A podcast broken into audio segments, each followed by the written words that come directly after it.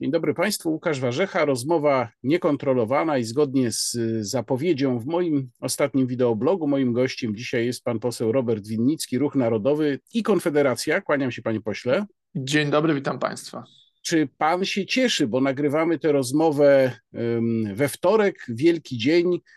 Rada Europejska zatwierdziła skasowanie rejestracji nowych samochodów spalinowych od 2035 roku. Co prawda, z małym wyjątkiem dla tak zwanych e-paliw czy paliw syntetycznych, no ale generalnie rzecz biorąc, nadal ten postulat zeroemisyjności przy rurze wydechowej, tak podkreślany przez Franza Timmermansa, został zachowany.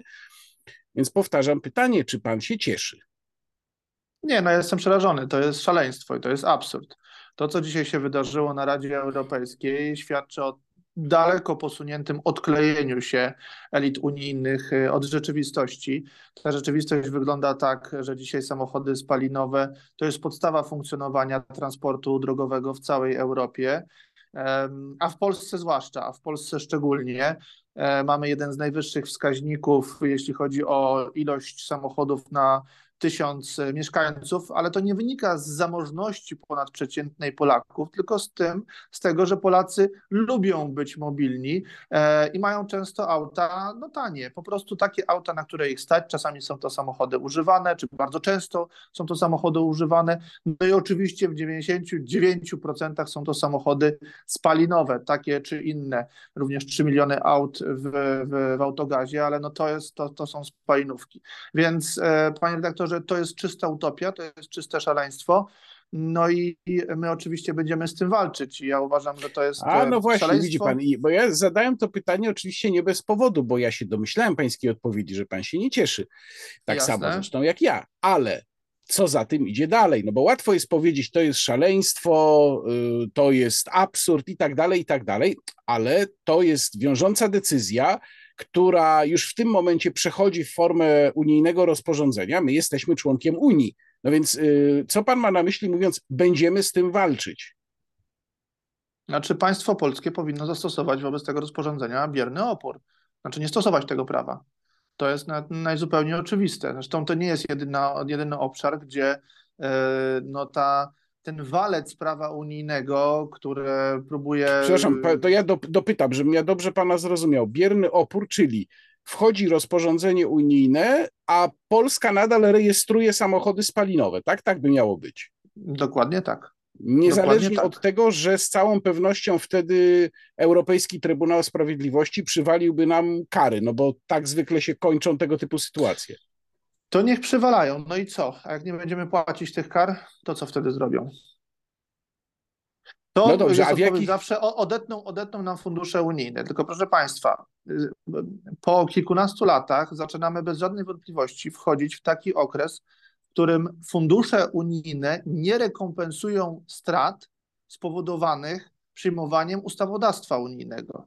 To znaczy, jakby to, co my, i tutaj są dyskusje na temat tego, ile my netto żeśmy zyskali bądź nie zyskali przez te kilkanaście lat obecności w Unii Europejskiej. Podstawą naszego sukcesu gospodarczego nie, jest, nie są dopłaty, nie są subwencje, nie jest to, co idzie w postaci transferów pieniężnych. Podstawą naszych korzyści z Unii Europejskiej jest, z Unii Europejskiej jest wspólny rynek. I to jest koło zamachowe naszego sukcesu gospodarczego, no to, który ma też swoje cienie, tak? ale generalnie powiedzmy udało się, udało się e, w wielu branżach gospodarki rozbujać przez te ostatnie kilkanaście lat. I transfery pieniężne, które dziś płyną, czy mają płynąć z Unii Europejskiej, zważywszy na to, jakim walcem w ostatnich latach, i tutaj jest ważny ten covidowy przełom 2020 roku, bo to jakby ośmieliło eurokratów do takiej integracji mm, działań na tym polu, e, no ten walec sprawia, że, że naprawdę e, ilość transferów pieniężnych nie ma e, pokrycia w, w tym, jakie koszty musi ponieść nie tylko państwo, ale i społeczeństwo.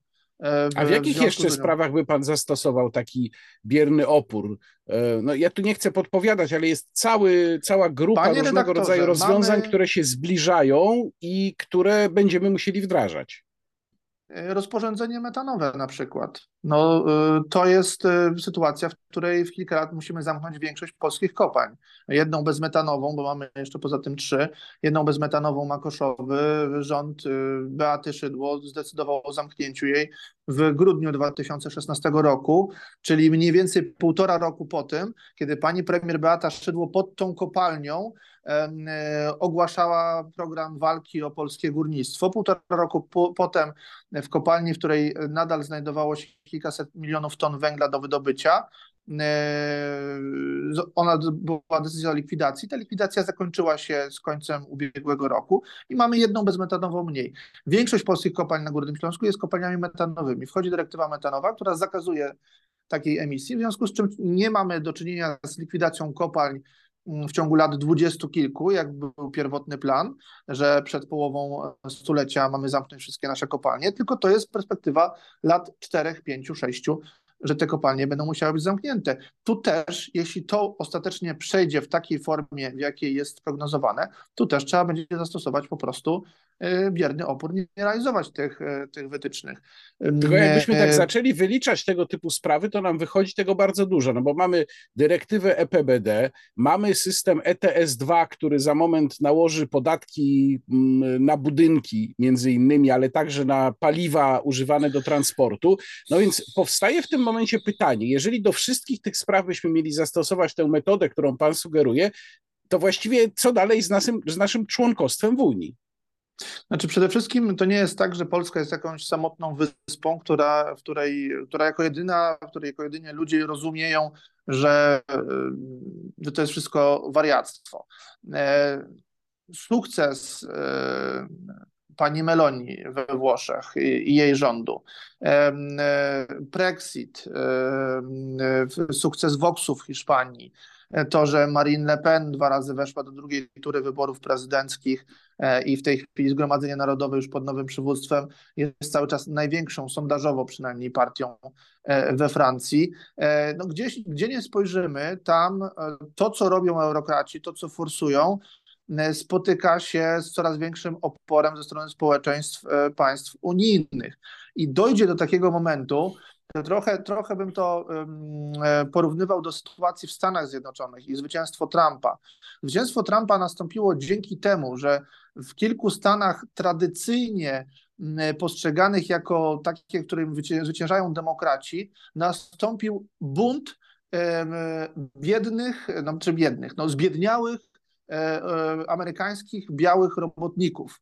E, którzy stracili na procesie globalizacji przenoszenia firm poza, e, poza, e, poza, poza swoje państwo. Tam było pod hasłem Bring Our Jobs Back, między innymi to, była, to było jedno z haseł kampanii Trumpa, oprócz tam wybudowania muru i kilku innych rzeczy w 2016 roku, ale to było hasło, które było kluczowe dla tych Stanów, dla których polityka gospodarcza doprowadziła do tego, że pogorsza się komfort życia.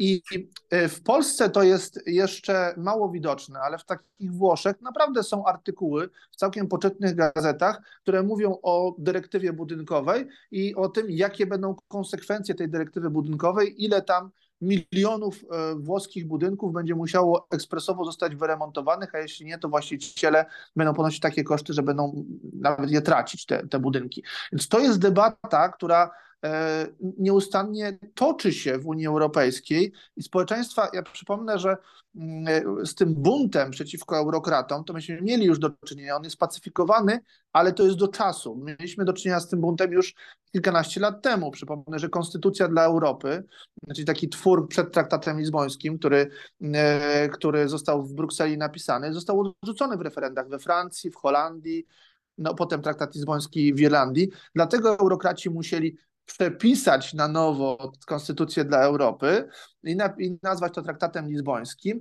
No, skutek był bardzo podobny, ale on, te referenda w Holandii, we Francji, uważanych za przecież rdzeń integracji europejskiej, to był też wyraz braku zgody tych społeczeństw e, właśnie rdzenia Unii Europejskiej na tego typu mechanizmy dalsze. No tak, ale ostatecznie, ostatecznie Francuzów, i Francuzów i Holendrów ostatecznie spacyfikowano. Natomiast mam wrażenie, że pan trochę uniknął odpowiedzi na moje pytanie, bo pytanie było, co z członkostwem w Unii? I tu oczywiście mogę przytoczyć oskarżenia, które się pojawiają ze strony pozostałej części opozycji, która mówi, że Konfederacja będzie dążyła do tego, żeby wyprowadzić Polskę z Unii. No i można zapytać rzeczywiście, a co w sytuacji, jeżeli tych sojuszy się nie uda zawiązać, albo one się okażą, okażą zbyt słabe, jeżeli nadal ten walec, o którym Pan mówi, będzie jechał, no to jakie wtedy będzie stanowisko Konfederacji w sprawie naszego członkostwa w Unii? E, brak, jeśli w ogóle dyskutować e, wychodzenie z Unii Europejskiej, to trzeba powiedzieć, że tutaj muszą zostać spełnione co najmniej trzy czynniki. Pierwszy czynnik to przekonane do tego e, społeczeństwo w większości, tak? Po prostu ktoś musi zagłosować w referendum za tym, żeby to się dokonało. Po drugie, rząd, który chce to przeprowadzić. Ja przypomnę, dlaczego Wielka Brytania tak wiele lat męczyła się z Brexitem. Ponieważ tam referendum brexitowe przeprowadził rząd, który nie chciał wyjść z Unii Europejskiej, nie był na to gotowy i nie miał żadnego planu na to, jak to zrobić. A po trzecie, no właśnie trzecim warunkiem jest w ogóle przemyślenie tego, jak, jakby to miało wyglądać.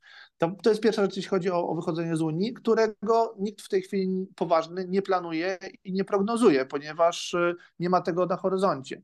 Dlatego ja mówię w tym momencie o biernym oporze, bo żaden z tych trzech czynników, o których wspomniałem, ani większości społeczeństwa do tego przekonanych, ani rządu, który by chciał to zrobić, ani planu. My nawet nakreśliliśmy w broszurze kilka lat temu jako ruch narodowy taki, taki, taki, tak, tak, taką ścieżkę, którą by trzeba ewentualnie zrobić, ale szanowni państwo, moim zdaniem nikt, przede wszystkim nikt, nikt z nas Unii nie, wyrzuci, nie, nie wyrzuci. To jest to. Nikt, z nas, nikt nas z Unii nie wyrzuci z jednego prostego powodu. Gdyby wyrzucono nas z Unii Europejskiej za Polskę, czyli kraj no, duży jak na skalę Unii Europejską, jak na skalę unijną, e, to wtedy uruchomiłoby to mechanizm e, i wyrzuciłoby z tych powodów, e, eurokraci wyrzuciliby nas z tych powodów, o których tutaj dzisiaj mówimy, wtedy uruchomiłoby, uruchomiłoby mechanizm tak naprawdę radykalnego wzrostu eurosceptycyzmu w innych państwach. Jeśli byśmy ten spór, spór o to właśnie, że Polska nie chce stosować tych dyrektyw, które sprawiają, że poziom e, życia spada Europejczykom, gdyby ta debata w Unii Europejskiej się rozpętała na dobre, to by oznaczało, że siły uniosceptyczne w całej Europie gwałtownie wzrosłyby, e, wzrosłoby ich znaczenie. Także opór, który Polska powinna w tej sprawie zastosować, to nie jest opór taki szalony, beznadziejny czy romantyczny. To jest opór, który jest e, całkiem sensowny i, y, jego kalkulacja powinna, powinna mieć miejsce w Warszawie. Tylko tu jest jedno ale. Tę kalkulację może przeprowadzać tylko rząd, który nie uzależnia się od funduszy unijnych. To znaczy rząd, który nie postrzega KPO jako y, no, cudowne zbawienie, y, prawda, które rozwiąże wszystkie polskie problemy gospodarcze. Tymczasem mechanizm KPO powiązany z podatkami z jednej strony unijnymi, z drugiej strony z eurokredytem, czyli wszystkimi tymi zobowiązaniami, które tak musimy płacić, to jest tak naprawdę mechanizm, który mówi, że państwo, instytucje publiczne i samorządy dostaną pieniądze, dostaną te kilkadziesiąt miliardów, ale z drugiej strony kto zapłaci koszty? A koszty zapłaci obywatel. Więc państwo, które ma, tak powiem, odwagę cywilną do odrzucenia pieniędzy z KPO, to jest państwo, które może przeciwstawiać się temu aktywnie i, i rozsądnie i budować na, tę rzecz, na rzecz tego rozwiązania koalicję w całej Unii Europejskiej, może się przeciwstawiać temu dyktatowi, który sprawia właśnie, że dyrektywa budynkowa, że dyrektywa samochodowa, że dyrektywa metanowa, że wszystkie te regulacje prawne unijne będą, będą wchodzić. Do tego po prostu trzeba innego podejścia do gospodarki i innego podejścia do myślenia o Unii Europejskiej polityce zagranicznej. Panie pośle, co się y, wydarzyło wczoraj, czyli w poniedziałek w siedzibie Stowarzyszenia Marsz Niepodległości? Czy może pan wyjaśnić, y, jakiego typu y, procesy zachodzą w tej mm, organizacji bliskiej ruchowi narodowemu? 19 lutego odbył się zjazd walny stowarzyszenia, na którym odwołano z funkcji prezesa Roberta Bąkiewicza i powołano na jego miejsce Bartosza Malewskiego, prawnika od kilkunastu lat związanego ze środowiskiem narodowym, pochodzącego z Bielska Podlaskiego. Zarząd pod nowym kierownictwem rozpoczął inwentaryzację majątku stowarzyszenia, no, w którym nie dzieje się dobrze, kolokwialnie rzecz mówiąc. Mamy tam do czynienia z naprawdę bagnem, jeśli chodzi o finanse, o, rachunki, o, o sprawy księgowe. Mamy tam do czynienia z no, sprawami wręcz o charakterze kryminalnym. No ale żeby to zrobić, no to potrzebna jest inwentaryzacja tego, co jest. Jakby sam fakt, że księgowa mówi o tym, że 200 faktur zostało dowiezionych przez prezesa Bąkiewicza w styczniu 23 roku za 21, że mamy kilkaset tysięcy nierozliczonych zaliczek w stowarzyszeniu za 21 rok, e, kilkaset tysięcy złotych. E, I tego typu inne rzeczy, karuzele grantowe, bo nie ma właściwie chyba już instytucji publicznej, jak patrzymy po tych dokumentach, E, o których e, poprzedni prezes nie brałby pieniędzy. E, wszyscy tam są, lasy państwowe, NBEP, no po prostu fundusze, granty, zlecenia i tak dalej. A z drugiej strony wyczyszczone konto Stowarzyszenia Marsz Niepodległości, 136 zł na koncie Stowarzyszenia Marsz Niepodległości, 200 tysięcy długu za poprzedni rok, za Marsz Niepodległości, na który był wzięty grant, kilkaset tysięcy, a mimo to stowarzyszenie wychodzi z liczbą 200 tysięcy długu. No i uniemożliwione y, sprawdzenie tych rzeczy przez poprzedniego prezesa, który nadal okupuje siedzibę, w związku z czym nowe władze zarządziły y, wejście do tej siedziby, y, wymianę zamków i w ten sposób od poniedziałku trwa inwentaryzacja, przegląd dokumentów, spisywanie stanu rzeczy w siedzibie Stowarzyszenia Marsz Niepodległości. Konfederacja ostatnio osiąga bardzo dobre wyniki w sondażach. Szczególne wrażenie zrobiły wyniki Konfederacji w tak zwanym sondażu obywatelskim, przy czym tam w założeniu przyjęto, że Konfederacja w każdej konfiguracji tworzy koalicję z prawem i sprawiedliwością. No jak się ma takie dobre wyniki, to łatwo też popaść w samozadowolenie. Ja jestem ciekaw, czy w szeregach Konfederacji takie objawy pan dostrzega, ale to jest też oczywiście pytanie, które jest właściwie bez przerwy teraz zadawane waszym politykom, czy rzeczywiście możliwa jest koalicja z PiS, a jeżeli wprost na to pytanie państw, politycy Konfederacji nie odpowiadają, to można zapytać, a jaki wariant w takim razie wykluczacie? Czy jest jakiś wariant, który dzisiaj wykluczacie zdecydowanie? Po wyborach oczywiście. Panie redaktorze, nie ma żadnego samozadowolenia. Jest pół roku do wyborów, to jest masę czasu, wszystko może się do tego czasu wydarzyć. My oczywiście mm, no, cieszymy się, ja osobiście jako szef sztabu Konfederacji cieszę się, że widzimy efekty naszej pracy, zwłaszcza w ostatnich miesiącach i tego, że nasz przekaz do, zaczął szerzej docierać. Natomiast jakby pewnej, pewnego przełamania to również się spodziewaliśmy. No, w sytuacji, w której mamy na scenie politycznej do czynienia z obozem Jarosława Kaczyńskiego i jego satelitami i mamy do czynienia z drugim obozem Donalda Tuska i jego satelitami, Konfederacja pozostaje tym wyborem dla trzeciej opcji, to znaczy dla Polaków zmęczonych tym sporem, tym bardziej, że panowie mm, e, Kaczyński i Tusk właściwie e, licytują się e, w tych samych działkach, w tych samych obszarach, w tych samych mm, dziedzinach, to znaczy jeśli chodzi o podejście gospodarcze, starają się licytować na kolejne, co bardziej socjalne pomysły. Jeśli chodzi o podejście do polityki międzynarodowej, też trudno powiedzieć, który więcej licytuje jeśli chodzi o zaangażowanie w wojnę na Ukrainie, tutaj Konfederacja jest zdecydowanie ostrożniejsza i bardziej zwraca uwagę na kwestie interesu państwa polskiego niż na... No, przepraszam, jeszcze o wojnie na Ukrainie mm. chcę jeszcze porozmawiać, no dobrze, to, to zaraz. W, w, w, tekście, tu, tu pozwolę sobie przytoczyć Aha. Y, z tekstu mojego kolegi redakcyjnego Rafała Ziemkiewicza, który napisał o was w ostatnim wydaniu do rzeczy i tutaj mm. przywołał takie słynne zdanie, które się pojawiło w PSL-u. Kto wygra wybory? Kiedyś e, zapytano chyba Waldemara Pawlaka, jeśli dobrze pamiętam, on powiedział nasz koalicjant. I to odniósł teraz Rafał Ziemkiewicz do Konfederacji. Czy dobrze odniósł? No właśnie niedobrze odniósł, ponieważ my jesteśmy anty-PSL-em. To znaczy y, my y, walczymy o to, żeby obecną klasę polityczną y, panów Tuska i Kaczyńskiego z ich gwardiami odesłać na niezasłużoną emeryturę polityczną. Więc my jesteśmy dokładnie przeciwieństwem PSL-u, a nie jakby zamiennikiem PSL-u na polskiej scenie politycznej. I w ten sposób mogę jedynie odpowiedzieć. Dla nas najważniejsze, no, mieliśmy przed chwilą z panem redaktorem dużą dyskusję na temat tego właśnie, co ja nazwałem biernym oporem wobec tych szaleństw Unii Europejskiej. No, ciężko sobie wyobrazić, żeby rząd e, Morawieckiego, czy żeby rząd Tuska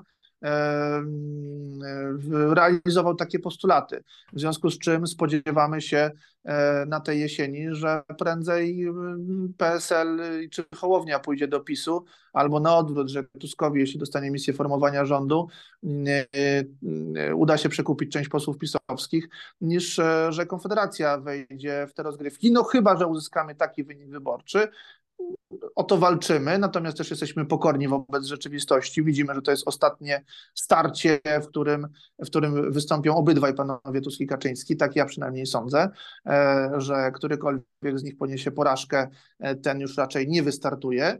Mm, e, więc, więc widzimy, że to jeszcze będzie silna emocja tej jesieni, no ale w tej silnej emocji, która zdominowała źle zdominowała polską politykę przez ostatnie kilkanaście lat, e, zabetonowała ją w bardzo jałowym sporze tych dwóch formacji, że my wyrąbujemy sobie tą trzecią pozycję i bylibyśmy tą trzecią siłą, nawet gdyby nie wskazywały na to sondaże. To znaczy, jesteśmy tą siłą de facto polityczną trzecią, jak powiedziałem, bo nie jesteśmy ani z jednymi, ani z drugimi e, i dokładnie w ten sposób patrzymy na rzeczywistość po jesieni. Ale to, czy chcecie mieć jakiś realny wpływ? Bo jak próbuję się postawić w e, roli, w miejscu wyborcy Konfederacji, no to myślę sobie tak, taki wyborca do pewnego momentu pewnie jest usatysfakcjonowany tym, że wspiera formację, która właśnie jest gdzieś poza tym sporem, natomiast w którymś momencie zacząłby oczekiwać, że jego formacja jakiś wpływ na rzeczywistość jednak zyska, no bo bardzo łatwo być w kompletnej opozycji wobec obu stron tego sporu, no ale znacznie trudniej zacząć przeforsowywać jakieś własne pomysły. No i tutaj pojawia się pytanie o tego typu podejście po wyborach. Jednym z wariantów, który często w tym kontekście właśnie jest przytaczany, to jest wariant koalicji, nawet nieformalnej, koalicji parlamentarnej z wygrywającym wybory, czyli takiej sytuacji, w której wystawiacie warunki, w zamian za spełnienie tych warunków wspólne głosowanie nad tym, na czym wam zależy, popieracie jakieś możliwe do zaakceptowania przez siebie rozwiązania, które rząd mniejszościowy przedkłada. Czy to jest wariant możliwy? Panie lektorze, mm, to jest pytanie, na które będziemy sobie odpowiadać po wyborach.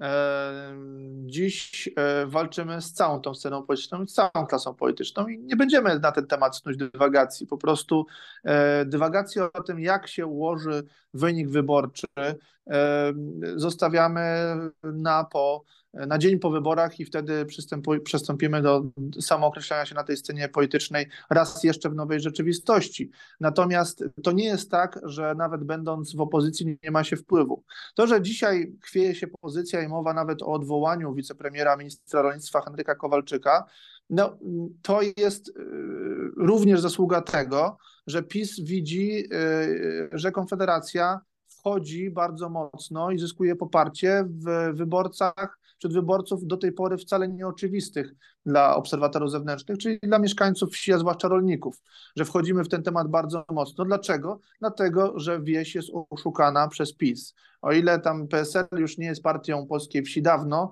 e, czy partią rolników, jest mm, ciągle jeszcze partią części biurokracji prowincjonalnej, e, ale już nie na pewno polskiej wsi czy polskich rolników, o tyle PiS ostatnio, przez ostatnią dekadę de facto pełnił e, tę rolę właśnie głównej partii polskiej wsi i dzisiaj to się bardzo szybko zaczyna kruszyć. Dwukrotnie wzrosło nasze poparcie wśród grupy zawodowej, jaką są rolnicy. To rolnictwo też się zmienia, ma nowy kształt, to już nie są prawda, biedni chłopi, to są często ludzie, którzy gospodarzą naprawdę na, na milionach złotych, jeśli chodzi, mają pozaciągane kredyty, mają, są, są bardziej małymi przedsiębiorcami niż, niż tym, co nam się kojarzy tradycyjnie z polskim biednym rolnictwem i oni dostrzegają, że Konfederacja to jest dla nich szansa na to, żeby nie stracić swojego dorobku życia, żeby się dalej rozwijać.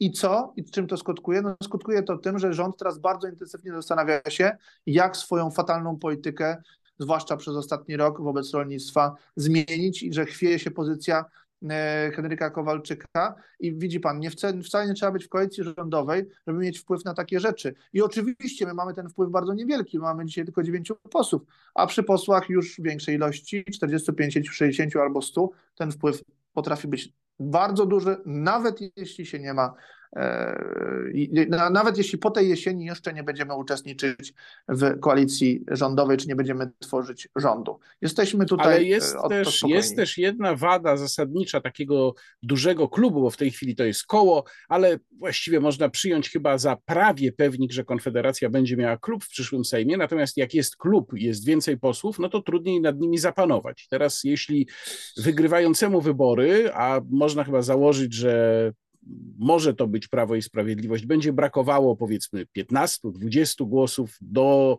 mm, większości, no to z całą pewnością będzie próba wyjmowania posłów z tego waszego klubu. No i tu jest pytanie, czy w jakiś sposób pracujecie nad tym, żeby zachować spójność tego klubu i żeby on się pod wpływem takiego kuszenia nie rozpadł? E, niektórzy wskazują, że najsłabszym punktem tej koalicji, którą w rzeczywistości jest Konfederacja, jest nowa nadzieja Sławomira Mencena. Nie mamy słabych punktów w naszej koalicji, panie redaktorze. Tworzymy drużynę e, trzech e, sił politycznych i dużej rzeszy niezrzeszonych w tych partiach politycznych sympatyków. Jest Ruch Narodowy, jest Nowa Nadzieja, jest Korona.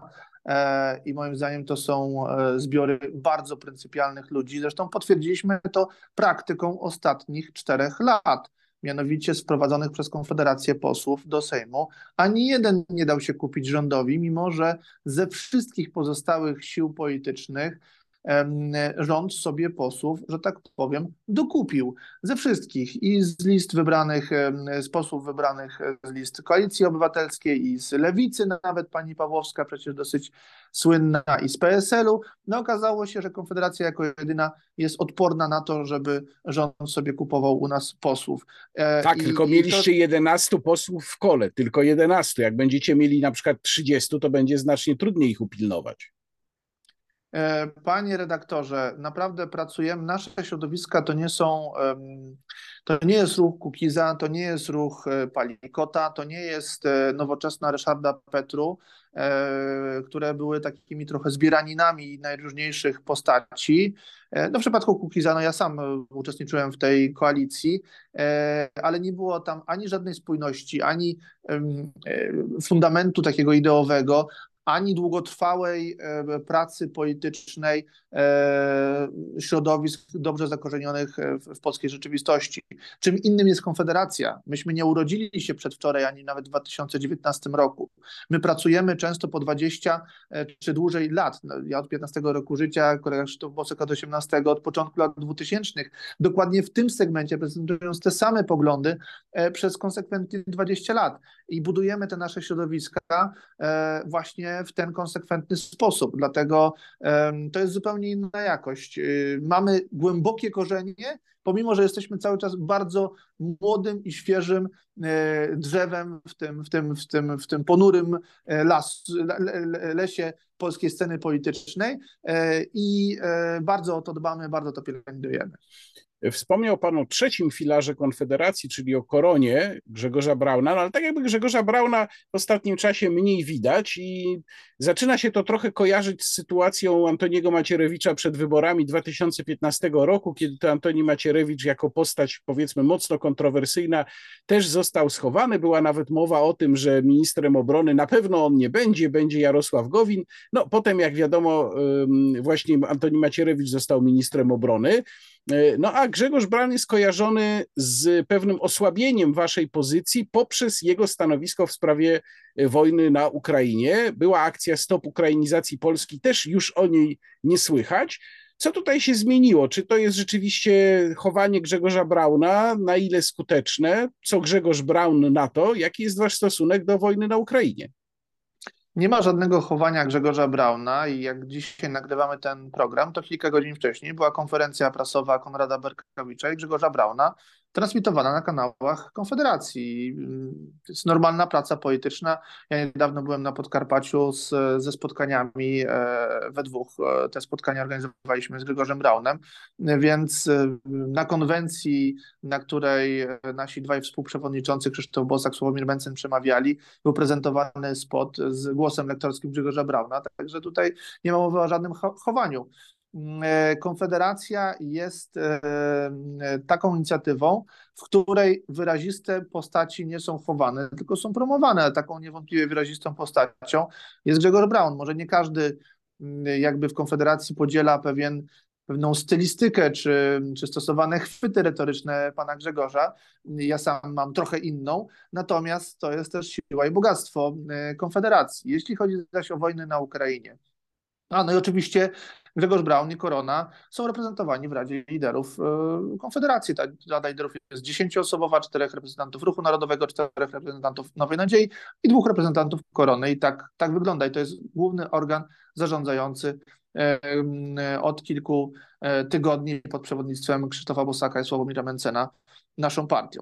Teraz jeśli chodzi o, szanowni państwo, wojnę na Ukrainie. No, jesteśmy, wydaje mi się, jedyną partią zdrowego rozsądku w sprawie tej wojny. Pierwszego dnia, już kilka godzin po rozpoczęciu agresji, tej pełnoskalowej agresji rosyjskiej na Ukrainę, wydaliśmy jasne stanowisko potępiające tę agresję, stanowisko Rady Liderów. E, kiedy Putin we wrześniu, zdaje się, ubiegłego roku, dokonał aneksji tych kilku obwodów, czy części obwodów e, ukraińskich formalnej, no to zdecydowanie znowu reakcja Rady Liderów Konfederacji, potępiająca to i, i mówiąca o tym, że nie wolno przesuwać granic w Europie siłą. I te spory trzeba rozwiązywać polubownie. Natomiast z drugiej strony, tak, jesteśmy przeciwko e, szerokiemu e, socjalnemu rozdawnictwu i takiemu, takiej polityce, która, e, która jest kierowana do przybyszów z Ukrainy, uchodźców, imigrantów, ciężko to trochę rozróżnić, bo część z nich rzeczywiście to uchodźcy e, wojenni, a część to jeszcze zadawnieni imigranci ekonomiczni. I tutaj rzeczywiście polityka państwa polskiego, która w ogóle w kontekście migracji zdaje się powtarzać wszystkie błędy Zachodu sprzed kilkudziesięciu lat, no to jest, to jest, to jest rzecz do, do, do też e, no, głębokiej refleksji, głębokiej, zmiany. Ale przede wszystkim jeśli chodzi o wojnę na Ukrainie, my mówimy o tym tak, wsparcie międzynarodowe dla Ukrainy Polska powinna organizować, bo w naszym żywotnym interesie leży to, żeby Putin Ukrainy nie podbił, e, żeby wojska rosyjskie e, nie stacjonowały również od południowo-wschodniej strony naszej granicy, jak już stacjonują od Kaliningradu i de facto od strony białoruskiej, bo wojskowo, no właściwie już niemal politycznie też Białoruś jest integralną częścią Federacji Rosyjskiej. E, więc nie jest absolutnie w naszym interesie, żeby ten nacisk rosyjski był jeszcze z tej strony. E, to by było duże zagrożenie dla polskich interesów. E, życzymy Putinowi klęski na Ukrainie. Natomiast z drugiej strony to nie może być tak, że Polska rozbraja się nieustannie na rzecz armii ukraińskiej, bo wszyscy wierzą w sukces. Ja miałem taką rozmowę kilka tygodni temu w jednej z rozgłośni radiowych, obok siedział Paweł Kowal i kiedy ja powiedziałem, no, że scenariusze mogą być różne, no, Ukraina może wygrać, może przegrać, może być długotrwały pad i jakby okopanie się, się najbardziej prawdopodobne na jakichś tam pozycjach jednej drugiej strony, co wtedy? Trzeba te scenariusze brać pod uwagę. A na przykład scenariusz klęski ukraińskiej i zwycięstwa rosyjskiego, sytuacji daleko posuniętego rozbrojenia państwa polskiego, no to jest dramatyczny dla nas scenariusz. No i na to Kowal zaczął tam krzyczeć, że tak nie wolno myśleć i trzeba wierzyć w zwycięstwo Ukrainy. No jak się nie uda, to wtedy będziemy tam może inaczej myśleć. No, proszę Państwa, no to jest, to, jest, to jest absurdalne, ale to przywodzi na myśl właśnie takie stwierdzenie tuzy intelektualnej zaplecza PiSu pana profesora y, Żurawskiego-Welgrajewskiego z 2020 roku, kiedy była kampania w Stanach i on napisał taki tekst, a to jest jeden z czołowych analityków zaplecza rządowego i obozu władzy, napisał taki tekst, w którym stwierdził, że należy obstawiać zwycięstwo Trumpa, a inne opcje zignorować czyli opcję wygrania Bidena zignorować. No to, no to PiS zignorował i nawet nie pogratulował Bidenowi e, zwycięstwa. No i potem się okazało, że najważniejszy nasz strategiczny sojusznik i partner jest jakby obrażony i puszcza e, Rosjanom i Niemcom Nord Stream 2 o tak jest obrażony na Polskę, no bo, no bo potraktowaliśmy prezydenta USA per noga. No to jest tak Panie pośle, no. Panie pośle, pytanie no więc, o, więc, o gospodarkę. To jest, to jest, to jest nasz, na nasze, na, nasze stanowisko wobec Ukrainy. Pomagać rozsądnie i bez rozbrajania Polski. Nie mamy harmonogramu, w którym mielibyśmy zastępstwo tych, tych dostaw wobec tego i przede wszystkim wychodzimy na frajerów, ponieważ inne państwa, z Czechy, Słowacja dostają zamienniki tego, co ofiarowują Ukrainie, a my takich zamienników nie dostajemy. Pytanie o gospodarkę, a właściwie bardziej o socjal, który PiS bardzo rozbudował, bo to przecież nie jest już od dawna tylko 500, plus, to jest 300, plus, 13, 14 emerytura, różnego rodzaju inne świadczenia. Wy podkreślacie, że macie inne podejście i do socjalu, i do gospodarki, ale co z tymi świadczeniami byście zrobili, które już są? Czy one miałyby zniknąć, miałyby zostać zreformowane. Ja tu nie mówię nawet o 500, plus, ale mówię właśnie o takich rzeczach jak wyprawka plus, czyli te 300 zł, jak 14 emerytura. Co z tym wszystkim?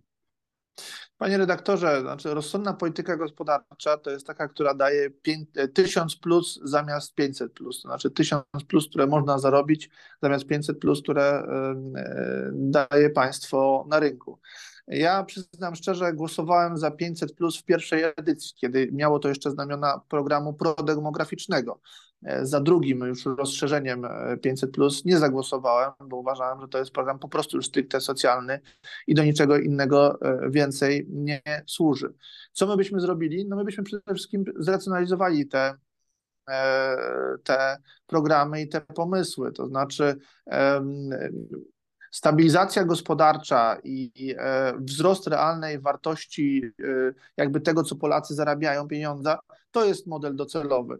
I tutaj, szczerze powiedziawszy, w tej chwili panu nie odpowiem na pytanie, czy my byśmy powygaszali wszystkie programy, e, czy byśmy po prostu nie kontynuowali ich w takiej formie, bo to wiadomo, każdy program, no 500 plus z 2016 roku jest dzisiaj wart, no ja wiem, 300 zł, tak, znaczy inflacja, zwłaszcza ta ostatnie półtora roku sprawia, że te programy socjalne są de facto zżerane przez, e, przez inflację. Więc, e, e, więc to, w jaki sposób do nich podejść, to jest kwestia przemyślenia polityki społecznej pod kątem gospodarczym. Na pewno nie wolno nic więcej w tym momencie dosypywać, ponieważ jak widzę, co się dzieje na komisjach, kiedy PiS wychodzi z jakimś kolejnym programem socjalnym, no to jak reaguje cała reszta opozycji poza nami, centrolewu? No oni e, postulują, już nie pamiętam, co to była za co to był za mechanizm ale w każdym razie PiS zaproponował PiS zaproponował e, e, takie rozwiązanie, które miało wpuścić 10 miliardów złotych na, na rynek dodatkowo. Poprawki PSL-u, Platformy Lewicy szły w kierunku wrzucenia na rynek 40 miliardów złotych, czyli rozbuchania y, inflacji w sposób czterokrotnie większy niż to proponował PiS. Więc pierwszą rzeczą, której, którą należy zrobić, to nie mnożyć tego typu, tego typu e, pomysłów. Jak podejść do istniejących już programów? Sceptycznie, ale też z jakimś takim horyzontem e, e, ewentualnej zmiany, likwidacji bądź przekształcenia, które nie spowoduje szoku wśród społeczeństwa, no bo wiadomo, że niestety społeczeństwo się przyzwyczaja do tego i mówię to niestety, dlatego że widzę też bardzo złe skutki działania 500 plus. E, powiem nawet rzecz kontrowersyjną nie wśród, e, nie wśród tych, którzy e, e, mają średnie dochody, ale wśród warstw takich najuboższych, czy no, rodzin takich z problemami dużymi, typu patologie najróżniejszego rodzaju. Dlaczego? Dlatego, że te pieniądze, i to widzę w mojej praktyce poselskiej, w interwencjach też poselskich, które podejmuję na rzecz takich rodzin, no, z patologiami, te pieniądze powodują pogłębienie tych wszystkich patologii. I to jest realny problem. To jest realny problem dzisiaj, że, e, że są pieniądze na, na, na rzeczy takie jak alkohol, już nie mówiąc o narkotykach i, i, i tego typu rzeczy, a nie ma nacisku na to, żeby pójść do pracy. Więc, więc mądre, e, na przykład powiązanie programu społecznego z tym, że ktoś e, w warunkach, kiedy mamy niedobór rąk do pracy cały czas na rynku, ze względu na kryzys demograficzny, powiązanie na przykład programu społecznego z e, pracą, jeśli jesteś zdrowy i jesteś, prawda, i masz wszelkie warunki do tego, żeby podjąć pracę, no to jest jedna z rzeczy, którą warto przemyśleć.